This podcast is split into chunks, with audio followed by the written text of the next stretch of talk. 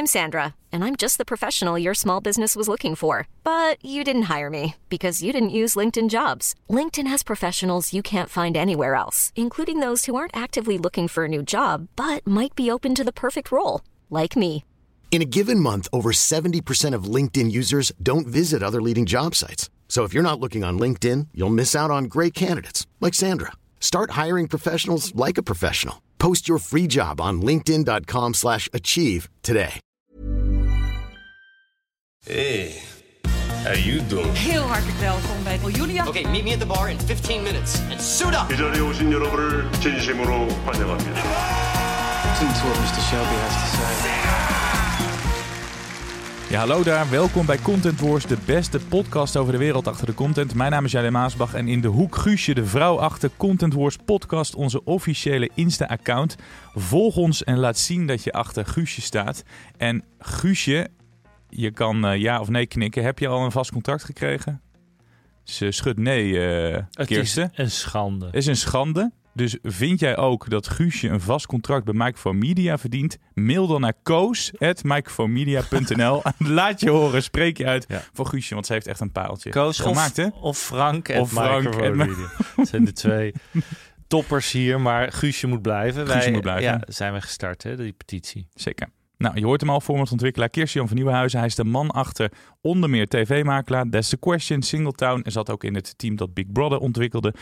En dit kan zomaar eens de meest inhoudelijke aflevering uit de geschiedenis van Content Wars worden. Want we gaan het hebben over het verkiezingsdebat. Welkom thuis bij het College Tour verkiezingsdebat. Vier lijsttrekkers zijn hier vandaag aanwezig. Allemaal waren ze eerder te gast in College Tour. Dit is live vanuit Felix Meritus in Amsterdam. Het RTL Verkiezingsdebat.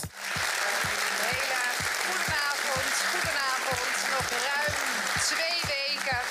En dan gaat Nederland naar de stembus. En u weet het, er staat veel op het spel. Ja, het is om de kijker te informeren, maar natuurlijk ook voor de kijkcijfers. En iedereen die wil zieltjes winnen. De NPO, RTL en zelfs SBS. Je hoort zo wie dat het beste doet en daarbij een gastrol voor Raymond Mens. Maar eerst, De medianieuwtjes van de week.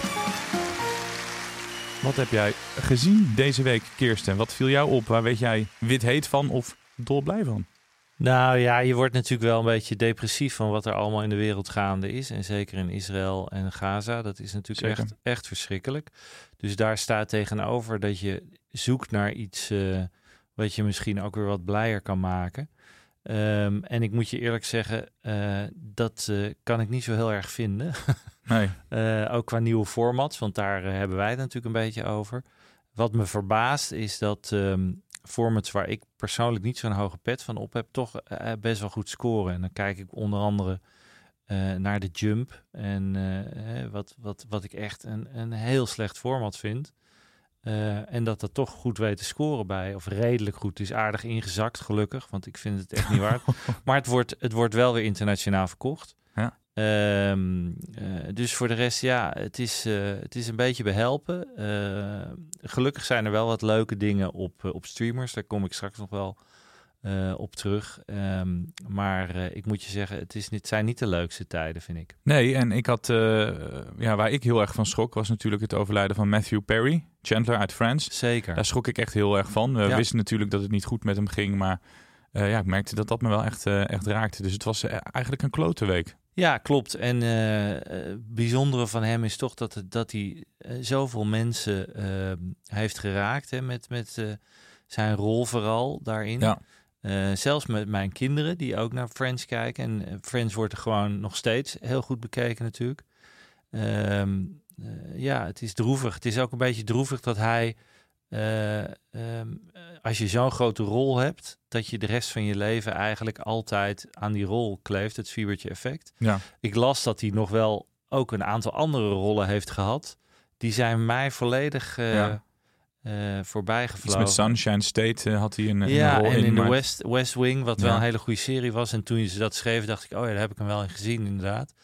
Eh, maar het is een soort van het, het, het, de burden van een wereldberoemde rol. Dat, Ja. dat, dat je dat altijd zal blijven. En misschien is dat ook wel een deel geweest van hem, van zijn ongeluk. Dat hij zoiets had van, Ik, ik ben een acteur, ik kan nooit meer iets anders zijn dan, eh, Nee. dan Chandler. Maar het is te droevig, het is jammer. Terug naar het debat. Weet jij wanneer het eerste verkiezingsdebat op televisie was? Nee, in Nederland bedoel je? Ja. Nou, dat zal in de jaren tachtig zijn of zo. Nee, in de VS was dat in 1960 met Kennedy. Ja. In Nederland was het in 1963. Vier televisieuitzendingen verspreid over twee weken en drie omroepen. En dat kabinet daarna was nou, best wel snel rond. Ons land heeft ruim negen weken na de verkiezingen weer een regering gekregen.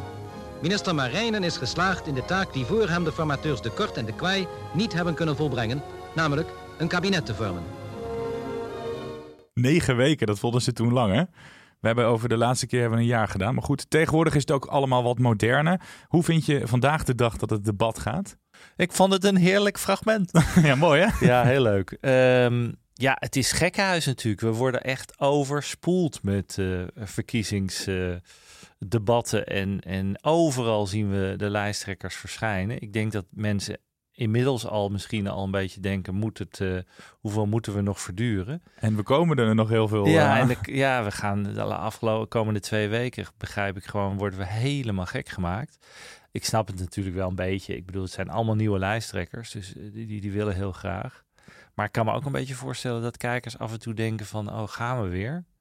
Ehm, en dat is ook misschien wel het, het lastige bij eh, dit soort eh, eh, content. Van hoe kan je iets maken wat niet elke keer hetzelfde is? Ja.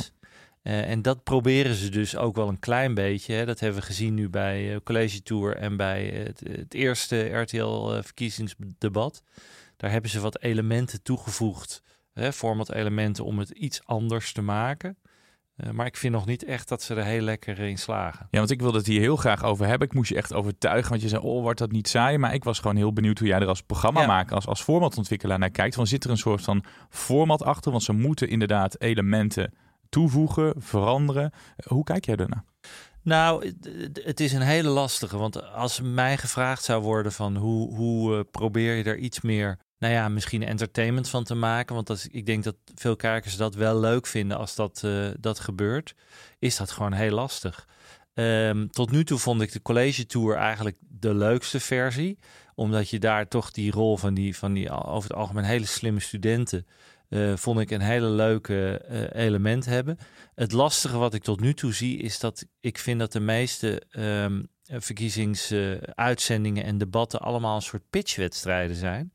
En wat ik heel erg mis, en dat, dat zou ik heel graag zien, is een aantal hele kritische journalisten die hen gewoon het vuur aan de schenen legt. Want het probleem is nu dat de Twan Huis deed het een klein beetje bij college toe. Die pakte ze af en toe een klein beetje aan. Maar nu komt er een vraag en dan gaan alle politici gaan gewoon hun riedeltje doen. Mhm. En dat kennen we inmiddels wel. Maar eh, ik zou wel eens willen dat daar iemand, eh, bijvoorbeeld zoals jij of andere echte politiek eh, journalisten, gewoon zeggen: wat u zegt kan gewoon niet. Of hoe gaat u dat betalen? Of weet je wel, dat soort dat we echt wat duidelijker te horen krijgen wat er nou wel of niet klopt. En het, de hele vraag van dat verkiezingsprogramma's niet nagerekend zijn. Waarom wordt daar niet veel meer opgedoken? Ze doen dat bij elkaar, want ze wordt voortdurend proberen ze elkaar vliegen Ja. af te vangen, de politici. Ja. Maar ik zou heel graag een keer willen en eh, volgens mij gebeurt dat wat meer in Amerika. We hebben zo eh, Raymond Mens, die natuurlijk het daarover heeft. Dat er daar twee of drie echt, eh, nou, Sven Kokkelmans zitten. Ja. En die gewoon eens eventjes de boel daar eh, even fileren. Dat lijkt me heerlijk. Nou, dat ben ik ook niet, zeg ik heel eerlijk. Maar ehm, om het voor mijn oud-collega's van RTL op te nemen, ze zijn natuurlijk ook daar zoekende van wat wordt het nieuwe format. Want daarvoor hadden ze inderdaad dat strenge, dat er veel meer ingegrepen werd. Maar Ja. ook die rode en, en groene knoppen, nou, dat, dat werkte dan ook niet helemaal. Dus je bent echt een beetje zoekende. Je wil ze meer tijd geven, maar misschien gaf je ze ook veel te veel tijd. Ja, een grappige anekdote over omzicht. Je moest op een gegeven moment een soort van debat met je zielkus doen. En dat ging over pensioenen. Dat was zo ontzettend saai. Ik had hele Ja. saaie economiedocenten. En hij ging daar, hij toepte daar volledig overheen. Het was een ellenlang saai betoog met heel veel cijfers en, en anekdotes die denk ik bij de gewone kijker niet blijven hangen. Dus ja, het is moeilijk om dan dat entertainment waar je Ja. net over had, om dat een beetje terug te krijgen. Heel moeilijk. En ik denk dat het lastige is dat heel veel van dit soort content is natuurlijk een beetje preken voor eigen parochie. In de zin van dat hoger opgeleide kijken wel en college tour zijn allemaal studenten die op universiteiten zitten. Eh, en dat zijn natuurlijk meestal mensen, veel daarvan stemmen ook. Maar hoe bereik je de kijker die eigenlijk eh, zich een beetje afkeert van de politiek, of bijvoorbeeld jongeren? Uh, die minder stemmen. Uh, hoe zorg je ervoor dat, je, dat die nou geïnspireerd ja. raken? En dat is de grootste uitdaging voor dit soort makers. Van hoe kunnen we, zeker mensen die heel veel kritiek hebben op de politiek en er niet meer in geloven, hoe kunnen we die nou bereiken? En daar moeten ze misschien wel eens heel anders naar gaan kijken. Om uh, op een of andere manier iets te verzinnen wat, wat die kijkers ook aanspreekt. En ik weet uit betrouwbare bron dat jij een spelshow hebt verzonnen. Dat is een, een format en dat ga je dan testen met proefpersonen. Nou, die proefpersoon is toevallig uh, mijn vriend zelf. Die heeft uh, aan ja. dat spel meegedaan bij jou. Maar ik weet dat jij dat uitvoerig test. Stel dat jij zo'n politiek debat format zou gaan testen. Dan zou je bijvoorbeeld types uh, van Dragon's Den erbij halen. Van hoe pitch je nu effectief. En dan, dan zou je het dus groot aanpakken en echt gaan uittesten? Nou ja, ik vind het uh, grappig dat je dat noemt, want ik vind Kiespijn bijvoorbeeld een heel, leuk, heel goed, echt leuk programma. Dat is echt grappig. Uh, en daarbij doen ze toch iets heel anders uh, met politiek dan normaal. En het is gewoon ook ontzettend leuk gedaan. Um, alleen er kijken relatief weinig mensen maar. En, en, en bij Kiespijn kan je niet echt zien van wat je nou moet gaan kiezen. Nee. Dus het is niet echt een soort kieswijzer. Um, maar zoiets, hè, iets wat je doet wat toch entertainment is en waar je misschien enigszins kan meespelen, uh, zou echt wel een oplossing kunnen zijn. De vraag is alleen, gaan politici daaraan meedoen? Dat is natuurlijk ja. ook een probleem, dat ze soms dat niet willen. Uh, maar je zou bijvoorbeeld voor jongeren, om te kijken om uh, jongere lijsttrekkers, of althans jongere politici daaraan mee te laten doen, om toch iets over te brengen van de standpunten van die verschillende partijen via een soort van quizshow, zou al heel leuk zijn. Um, ik denk ook dat partijen, en dat weet ik niet of dat gebeurt, veel meer zouden moeten doen op Insta en op TikTok om die, uh, die doelgroep te bereiken. En ongetwijfeld zullen sommige partijen dat wel doen. Um, maar het blijft gewoon heel lastig, want het is gewoon over het algemeen relatief saai. Uh, althans, dat, zo wordt het gezien. Hoe maak je er entertainment van? Dat is het vooral. Want het gaat natuurlijk over alles wat ons aangaat. Dus ja. hoe kan je daar op een of andere manier wat, een wat leukere content van maken? Dat is echt een uitdaging. Naast die twee die we net noemden, dus College Tour en het eerste RTL-debat, komt de NOS nog. RTL met een tweede debat. En vandaag het Jeugdjournaal, Nieuwsuur, SBS, ontbijtnieuws met elke dag een lijsttrekker. Ja. Jezus, Beetje ja. veel, hè? Ja, het is ongelooflijk. Echt, elk programma wat je nu aanzet, uh, is zo'n beetje, althans wat, wat actualiteit is, gaat over, uh, over de verkiezingen. Er staat natuurlijk veel op het spel. Uh, wat ik zeg, het zijn allemaal nieuwe gezichten. Um, ja, dus het, ik snap het op een bepaalde manier wel, maar het is ontzettend veel. Dus ik, ik, en het is allemaal, dat vind ik het jammer, het is allemaal eigenlijk min of meer hetzelfde. Um, althans, ik hoop dat er wat jij allemaal nu aankondigt, dat daar ook nog iets bij zit wat misschien net iets anders is. Ja. Maar wat ik tot nu toe gezien heb, is het allemaal, komt het neer op, nou, we, gaan, we gooien een onderwerp voor en, en ze mogen hun riedeltje doen. En uh, nou ja, ik, ik uh, hunker echt naar gewoon. Het, het grappige is op. Um, ik meen dat het op LinkedIn is op. Doet Rut, Rutger Bregman. Die interviewt een uur lang alle lijsttrekkers. ik zie hem langskomen op, op LinkedIn. Uh, en Rutger Bregman is natuurlijk iemand die best uh, een slimme jongen en, en ook wel ingevoerd is. En die legt ze best wel het vuur aan de schenen. Die vraagt echt een uur lang echt heel specifiek over heel veel dingen. Dat vind ik al beter. Is natuurlijk geen tv. Nee. En ik luister liever naar uh, Pieter Omtzigt over pensioenen dan een uur lang naar Rutger. ja, dat ben jij dan. Dat is mijn mening. Ja. Hey, maar we hebben dus heel veel programma's en verschillende opzetjes. Als ze jou zouden benaderen, zou je dan iemand willen helpen? Zou je echt het debatformat van de toekomst willen nou, bedenken? Of, ik of sta ligt niet, je niet? Nee. Want we ik, kennen je als de media hoer, dus je Ja. doet alles voor geld. Maar zelfs dit niet. Dan moeten ze wel heel veel betalen. Nee, ik weet het niet. Ik, ik, het, het- mijn hart ligt er niet echt door, moet ik zeggen. Aan de andere kant is het wel weer een leuke uitdaging om te kijken of we er iets van zouden kunnen maken. Ehm, maar ik vind het wel, eh, ja, ik vind het moeilijk. Tot zover hoe je er als programmamaker tegenaan kunt kijken. Ik dacht, hoe kijkt een politicoloog en oud-campagnestratege naar de verkiezingsstrijd? Komt dat even goed uit dat we Raymond Mens erover spraken? Ja, Raymond, we worden als eh, tv-kijker overspoeld met debatten. Op televisie hebben we College Tour achter de rug en het RTL-debat. Wat vind jij er eh, inhoudelijk tot nu toe van? Ja, het zijn natuurlijk vrij matte debatten. Hè? We zitten in een soort uh, tussenfase waarin men heeft gezegd... nou, we gaan elkaar niet continu uitschelden en keihard aanvallen. Uh, we willen zacht ook op de persoon zijn. Het is tijd voor een nieuwe politiek. tegelijkertijd mogen die verschillen wat mij betreft wel ietsje meer uitgediept worden. Maar goed, je ziet in ieder geval dat de tv-makers daaraan proberen, ja, proberen in die verandering mee te gaan... door een soort andere wijze van debatteren te presenteren. Ik ben nog niet helemaal tevreden, maar ik vind wel een stap in de goede richting. Als je naar RTL kijkt bijvoorbeeld, die vreselijke rode en groene knoppen zijn weg. Ja. Uh, stellingen die lijsttrekkers zelf mee mogen nemen. Ja, hoe kinderachtig en hoe fout trouwens ook wil je het hebben. Dat is gelukkig allemaal verleden tijd. Uh, en ik zag zowel bij RTL als ook bij College Tour... dat ze gewoon een aantal thema's pakken. Die willen ze wat meer uitdiepen en daar nemen ze ruim de tijd voor. En dat ook nog eens met minder lijsttrekkers tegelijkertijd. Die twee dingen uh, vind ik wel twee stappen in de goede richting. Ja, je zag ook bij RTL echt dat ze zoekende waren. Terecht wat je net zegt. Het, het moet allemaal wat anders. Ook de manier van debatteren. Kritiek op RTL was dat het wat saai was. Soms kinderachtig met dat filmpje wat erin zat. Hoe kijk je daarna? Ja, volledig terecht. Kijk, dat het saai was, dat lag ook een deel, eh, voor een deel aan de lijsttrekkers zelf. Hè. Op een gegeven moment, uh, je speelt de bal uh, naar ze... en op een gegeven moment moeten ze hem zelf afmaken natuurlijk. En dat deden ze dan niet. Maar ja, inderdaad, als er dan zo'n filmpje tussen zit... waarin die lijsttrekkers voor tovervee, als tovervee worden neergezet... Dan, ja, dan, dan, dan val ik wel van de bank. dan denk ik, hoe kan dit in godsnaam? En als ik dat als lijsttrekker van tevoren had geweten, zou ik ook gezegd hebben: ik kom niet. Het is van een soort jeugdjournaalniveau, wat ook helemaal niet nodig is. Ik bedoel, ik, ik ben dan die Amerikaanse eh, debatten uh, gewend. Nou, laten we als voorbeeld even de presidentsdebatten pakken. Er zit niks in aan filmpjes of aan leuke tierenlantijntjes. Uh, er wordt afgeteld. De presentator komt in beeld. Die zegt: Nou, dank. Het wordt georganiseerd door de commissie die de presidentiële debatten doet.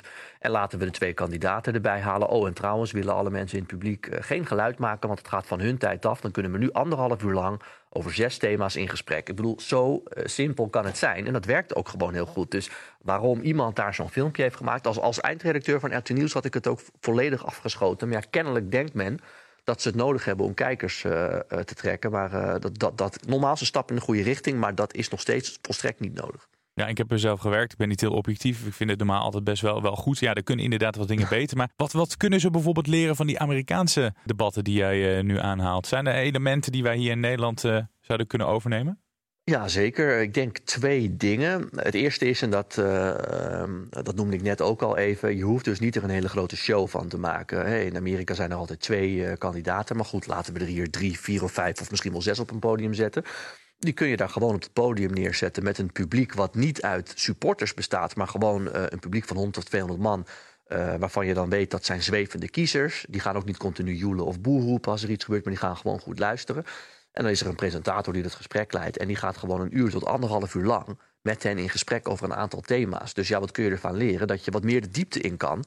Um, um, door gewoon wat langer de tijd te nemen. Um, en wat minder die supporters toe te laten. Maar gewoon bijvoorbeeld een, een, een publiek dat bestaat uit zwevende kiezers daar neer te zetten. Dat is één. Dus doe het rustiger. Neem wat meer de tijd. En, en laat vooral die kandidaten het werk doen. Probeer er geen show van te maken. En het tweede wat we over kunnen nemen, en dat gebeurt nu gelukkig uh, deze verkiezingen, is. Uh, kijk, in 1992 in de Verenigde Staten had Bill Clinton, die was toen nog gouverneur van Arkansas, maar die wilde president worden. Mm. Die had allemaal town hall meetings uh, door het hele land. En die town hall meetings, dat zijn dan bijeenkomsten in gymzalen of in andere grote um, zalen. En daar mochten kiezers hem gewoon vragen stellen. Dus hij opende misschien even vijf minuutjes. En daarna zei hij: Oké, stel mij maar een vraag. En uh, uh, we zien wel wat schipstrand.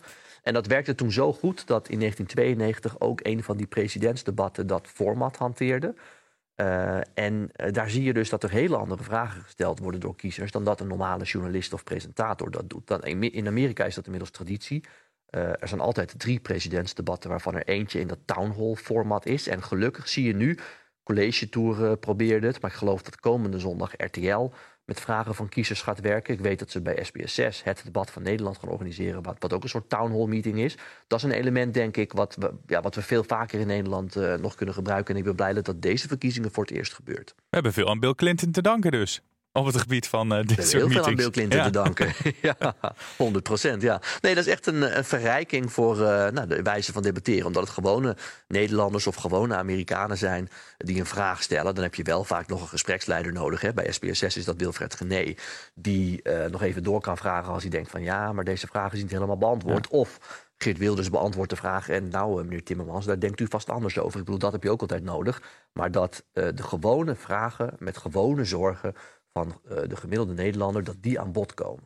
Je hebt het over Wilfred Gené en ik wilde aan jou gaan Ja. vragen.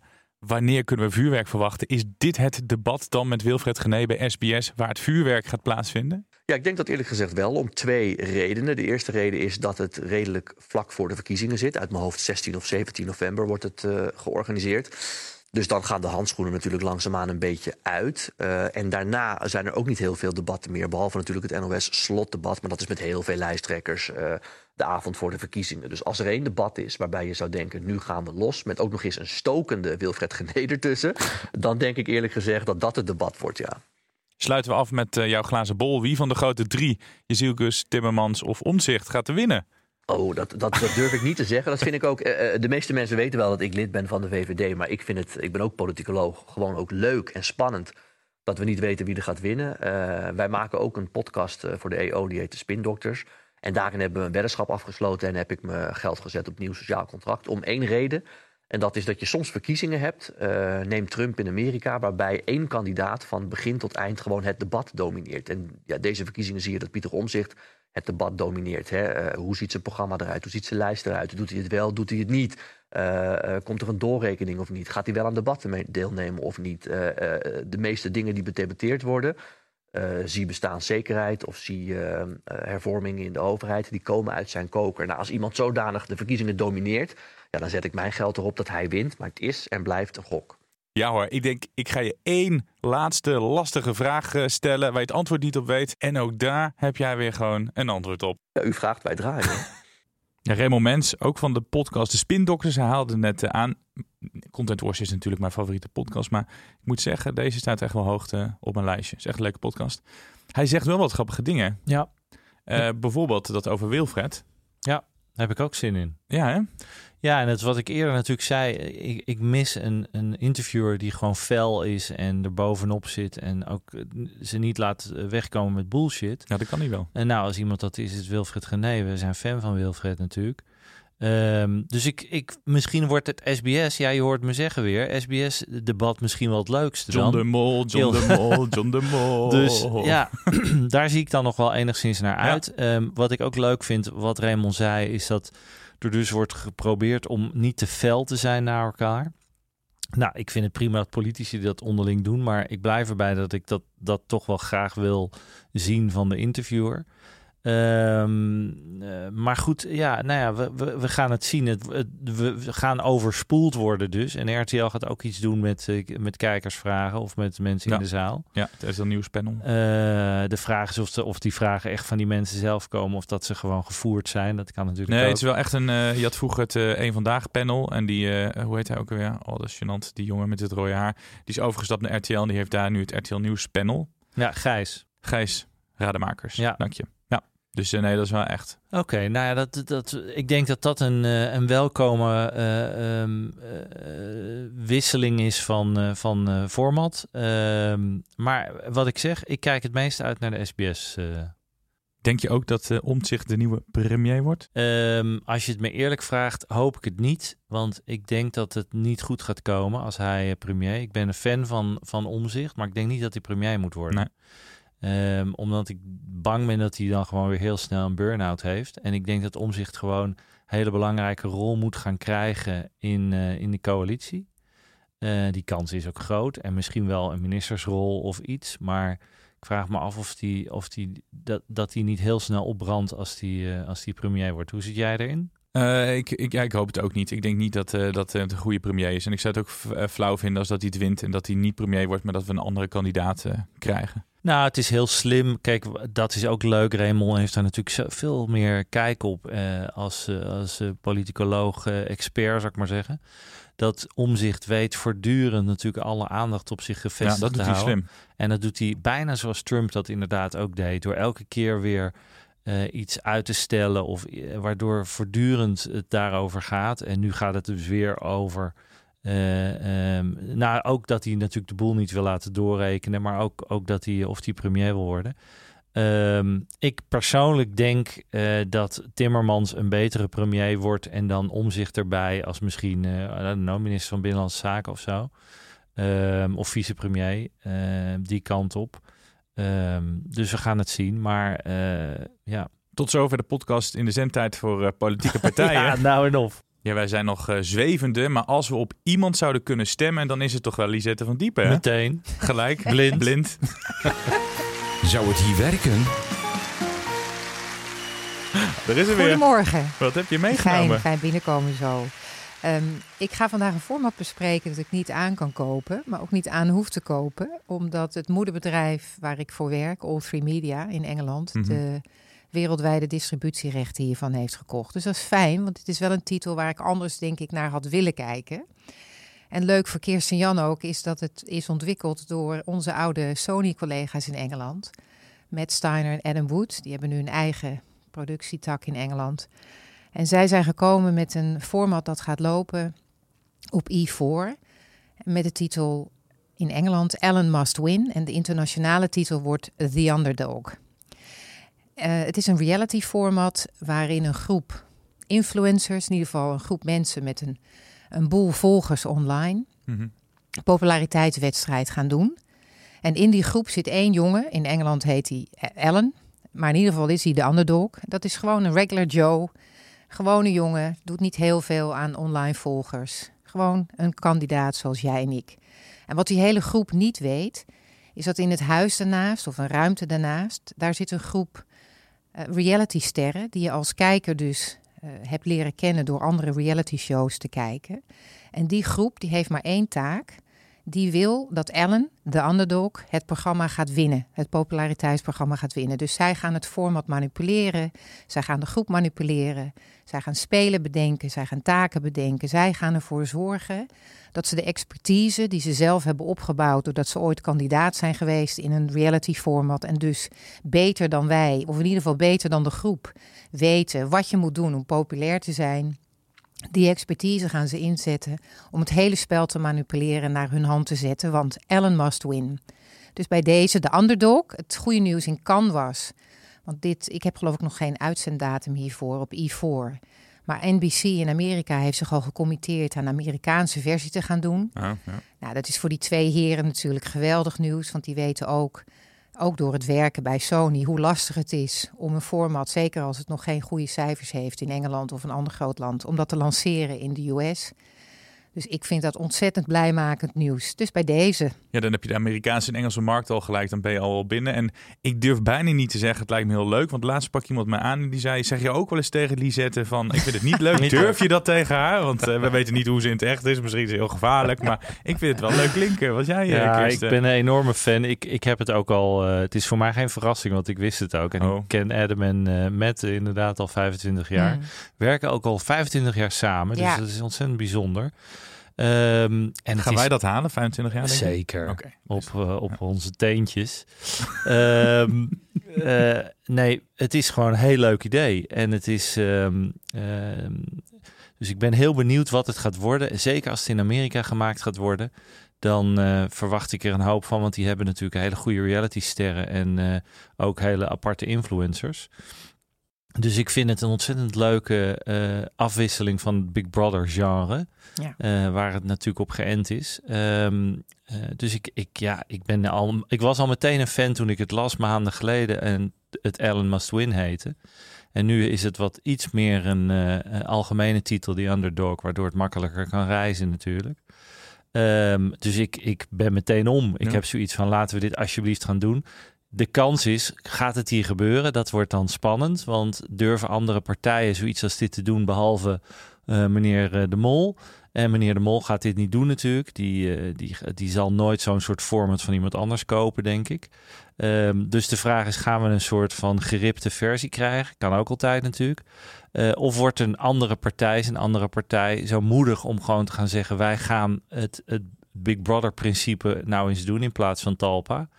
Eh, en, en dit doen. Kijk, als het een succes wordt in, in Amerika en op andere plekken, acht ik die kans best groot. En dan zou ik het hartstikke leuk vinden als RTL, want dat is denk ik toch de partij die dit zou moeten doen. Eh, of misschien wel NPO 3, dat zou ook wel eens leuk zijn. Maar de vraag is of ze dat kunnen betalen, want het is wel een duur, duur programma. En dan gaat niemand kijken. En er gaan weinig mensen kijken, helaas, naar NPO 3. Al hoor ik steeds meer dat NPO Start echt wel eh, veel meer kijkers heeft. Ja. Ehm, eh, dus ik hoop het. Ik, het lijkt me heel leuk om dit, uh, dit vorm te zien. Alleen al voor, uh, voor, voor Adam en Matt. maar ook gewoon omdat het een heel leuk idee is. Je bent weer goed gekeurd. Ja, maar dit was een makkie, hè? Dat wist ik van tevoren natuurlijk. Ja. En de grap is, zij zijn dus niet meer verbonden aan Sony, begrijp ik. Nee, nee. nee. Sony heeft een hele periode echt zich gericht met name op scripted. En toen zijn ook in Engeland een aantal van de unscripted bedrijven vertrokken. En deze twee zijn uh, samen doorgegaan. Ja, en uh, All Three heeft de rechten voor de hele wereld hiervan. Ja, dus in Nederland gaat dit bij IDTV uh, eh, in de catalogus. Wat Die leuk. gaan ermee nou ja, IDTV kan dit zeker maken. Ik bedoel, IDTV heeft natuurlijk een aantal grote hits op hun naam de laatste jaren. Hè? Verraders vooral. En, uh, dus ja, je zou, je zou zeggen, dit zou echt wel kunnen gaan lopen. Maar de vraag is inderdaad, RTL gaat waarschijnlijk ook wel weer Big Brother doen, vermoed ik. Want bij uh, RTL en Videoland heeft Big Brother het best wel goed gedaan, uh, heb ik gehoord. Um, dus de kans of RTL ook nog naast Big Brother zoiets als dit gaat doen, is, uh, lijkt me relatief klein. Dus ik denk dat het voor Nederland wel een beetje moeilijk wordt, terwijl het wel jammer is. Wordt het ook een dagelijkse show? Niet dat ik weet. Nee, een weekly. Nou ja, als het een weekly, ja, wie weet. Nou, we gaan het uh, zien. We zijn heel om met een uh, dooddoener uh, te eindigen. ja, Goed dat je er ja, weer ik was. zit gewoon nog steeds op duim omhoog, hoor. ja hoor, je, hebt- je hebt al heel lang geen misser meer gehad. Nee. Hè? Nee. Nou, eh, op naar volgende week dan. Tot dan. Dankjewel. Maar nu jouw moment. Nu draait het helemaal om jou. Wat is jouw binge tip? Ja, en we kregen eh, van, ik, eh, volgens mij Edwin, een eh, luisteraar, de vraag of jij ook met meer tips wil komen, Jelle. Nou, dan echt? Moet je, ja, die vindt die tips heel leuk. En vooral van formats, niet zozeer van series. En die vond dat er- ik met meer tips moest Nou, komen. die wilde gewoon meer binge tips Oh, hebben en dan vooral op formatgebied. Dus ik ga daar meteen Werk van op maken. in. Ik ga er meteen werk van maken. Ik kom met een format wat morgen gaat starten op Prime, Amazon Prime. Ehm, en ik weet dat al jarenlang er geprobeerd wordt om iets te doen met de brand James Bond 007. Oeh, mijn favoriet. Eh, ja, natuurlijk al eh, een enorm, misschien wel een van de beroemdste brands ter wereld. En eh, al jarenlang proberen televisiemakers daar ook op in te springen, iets met dat brand doen. Maar dat, de producers hielden dat elke keer tegen. De Broccoli Family, Ja. hè, die, die het maakt, die wil eigenlijk al heel lang niks daarvan weten. En zitten bovenop eh, op dat merk. Maar zij hebben zelf, eh, zijn nu met een format gekomen. En dat gaat dus morgen, 10 november, eh, beginnen. En het heet 007 A Road to a Million. En daar zit onze grote acteur in, Brian Cox, uit Succession. Die speelt een soort opdrachtgever waarin negen koppels gaan de hele wereld rondreizen. En moeten overal in de wereld allerlei hele heftige James Bond-achtige opdrachten doen. Eh, en waarbij uiteindelijk één koppel een miljoen zal winnen. Nou, ik heb er alleen tot nu toe een trailer van gezien. Het ziet er prachtig uit. Ze hebben echt, eh, nou, ja, ze hebben flink eh, in de buidel getast om, om dit te waar te maken. Ze gaan ook echt op naar allerlei prachtige, exotische en mooie plekken. Het wordt helemaal James Bond feel met speedboten en weet ik het allemaal hele heftige shit. Mhm. Ehm, eh, nou ja, goed. Ja, ik verwacht er wel wat van. En ik vind het leuk dat Amazon dus eindelijk, samen dan wel met de producers van James Bond, iets doet met de brand James Bond. Ja, want zij kochten MGM toen. Stond op, Ja. eh, op omvallen. En Ja. toen zei iedereen, het gaat om 007. Maar je hebt die enge Broccoli eh, family. Want het is een beetje een soort van, van, van, van achtige secte. Eh, die Barbara, die, die, die, Ja. die regeert met ijzeren hand, laat ik het zo zeggen. Maar dit is dan wel weer grappig. Weet je waar ik wel op hoopte eigenlijk? Op een, op een serie over James Bond. Dus hoe hè, de beginjaren van James Ja. Bond door iemand anders vertolkt. En dan kan je het eh, over een paar seizoenen uitsmeren. Hoe werd die, die geheimagent? En ja, dan kan je het als een soort van eh, serie in plaats van een film. Dan Ja. is na andere, na twee, drie uur is het voorbij. Maar dat je dan urenlang naar James Bond kan kijken. Ja, nee, maar zover is- willen ze niet gaan volgens mij. Hè? Nee, en volgens mij, dit heeft ook dus al lang geduurd. Ze zijn hier een aantal jaren mee bezig geweest om dit te ontwikkelen. Ehm, het is al vier jaar geleden is het gestart en eh, nu is het op de, komt het op de buis. Ehm, maar je merkt dus dat ze langzaam om zijn om iets te doen met die brand. En met wat, wat, wat breder te trekken dan alleen maar de films. Iedereen zit natuurlijk ook te wachten op de naam van de nieuwe James Bond. Ja, ik ook. Ehm, dus dit is ook een soort lead-in daar, eh, daarop. Heel Ja. slim van ze, eh, Amazon. En misschien zat het wel in de deal hè, dat Amazon zei... Eh, we gaan het kopen, maar dan moeten we wel meer Precies. gaan doen daarmee. Maar je kan er ook veel meer uithalen zonder het merk eh, eh, te beschadigen. Zo'n zo'n ja, zo'n serie, ik blijf erbij. Ik denk dat dat echt zou scoren. Dan zou ik echt gewoon Prime abonnement nu blind nemen. Ja, nou ja, het- wat ik zeg, Prime, het, ze, ze worden ook duurder. Prime gaat van 3 euro naar 5 euro, dus er komt eventjes bijna 40% bovenop. Had ik al voorspeld hè, dat alle streamers gaan omhoog. Hou er rekening van mee. Nieuwhuizen. nou ja, dat gaat gewoon gebeuren, jongens. Ja. Ehm, maar Prime is flink aan het knallen. En eh, ja, er komt natuurlijk wat aan. Eh, we gaan het eh, volgende week hebben over een nieuw format op Prime. Dat wordt ook wel een dingetje. Ja, zeker. Dit was Content Wars voor deze week. Fijn dat je naar ons luistert. Op ons stemmen hoeft niet, want we hebben die Dutch Podcast Award niet gewonnen. Je mag ons wel volgen. Content Wars Podcast. En steun ook gewoon Guusje. Dat is ook belangrijk. Ja, steun Guusje, Guusje. Guusje, de petitie. Ja. Guusje moet blijven Ja, heet het. en, en anders mailen naar koos.micromedia.nl. We zijn er volgende week weer. En dan hebben we dus inderdaad hebben we het over een nieuwe Prime Ja, weer Original. Prime. Ja. Ja. Remco Lentjes, de man achter een format dat dan de hele wereld over gaat. Dus is een Nederlander, die heeft een format ontwikkeld, Twin Love. En dat gaat dan ja, nou, over tientallen landen heen Ja. de wereld over. Dat is even een droom. Dat is vet, Eh, ja. En het is behalve dat, eh, eh, dat het Nederlands is, is het ook gewoon een heel erg goed format. Ik ben er echt jaloers op. Mhm. Eh, ja, echt een slim idee. En ja, dit zijn natuurlijk de, dit gebeurt niet vaak. Hè. We hadden we hebben een paar eh, maanden geleden natuurlijk Mark Pos gehad met de Verraders. Dat is op een iets andere manier gegaan door gewoon te starten en Ja. in één land en vervolgens opgepikt worden. Dit is een format wat gewoon meteen Bam. bam, Ja. internationaal gelanceerd wordt. Ik ben benieuwd hoeveel versies ervan komen. Nu wordt het ge- gelanceerd als een Amerikaanse versie. Ehm, eh, ja, ik vind het wel wat hoor. Dat is wel echt mooi. Dit is een droom die uitkomt voor, eh, voor eh, Remco. En voor veel formatontwikkelaars de droom. Zeker. Ik dank jou, ik dank Guusje en ik dank onze luisteraar. Tot volgende week.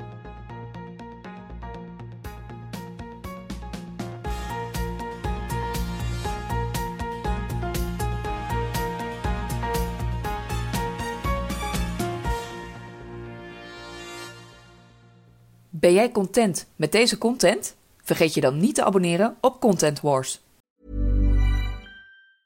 Even when we're on a budget, we still deserve nice things. Quince is a place to scoop up stunning high-end goods for 50 to 80% less than similar brands. They have buttery soft cashmere sweaters starting at $50, luxurious Italian leather bags, and so much more. Plus, Quince only works with factories that use safe, ethical, and responsible manufacturing. Get the high-end goods you'll love without the high price tag with Quince. Go to quince.com slash style for free shipping and 365-day returns.